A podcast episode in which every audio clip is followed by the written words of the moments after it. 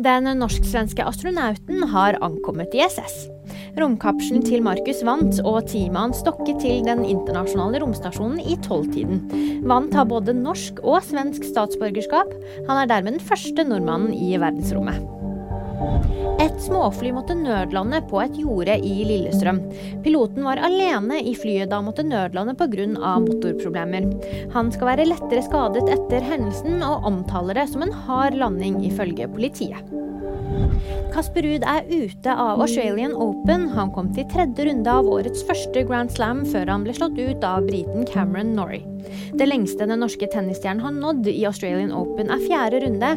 Det var i 2021. Vil du vite mer om verdensrommet og tennis? Nyheter finner du alltid på VG.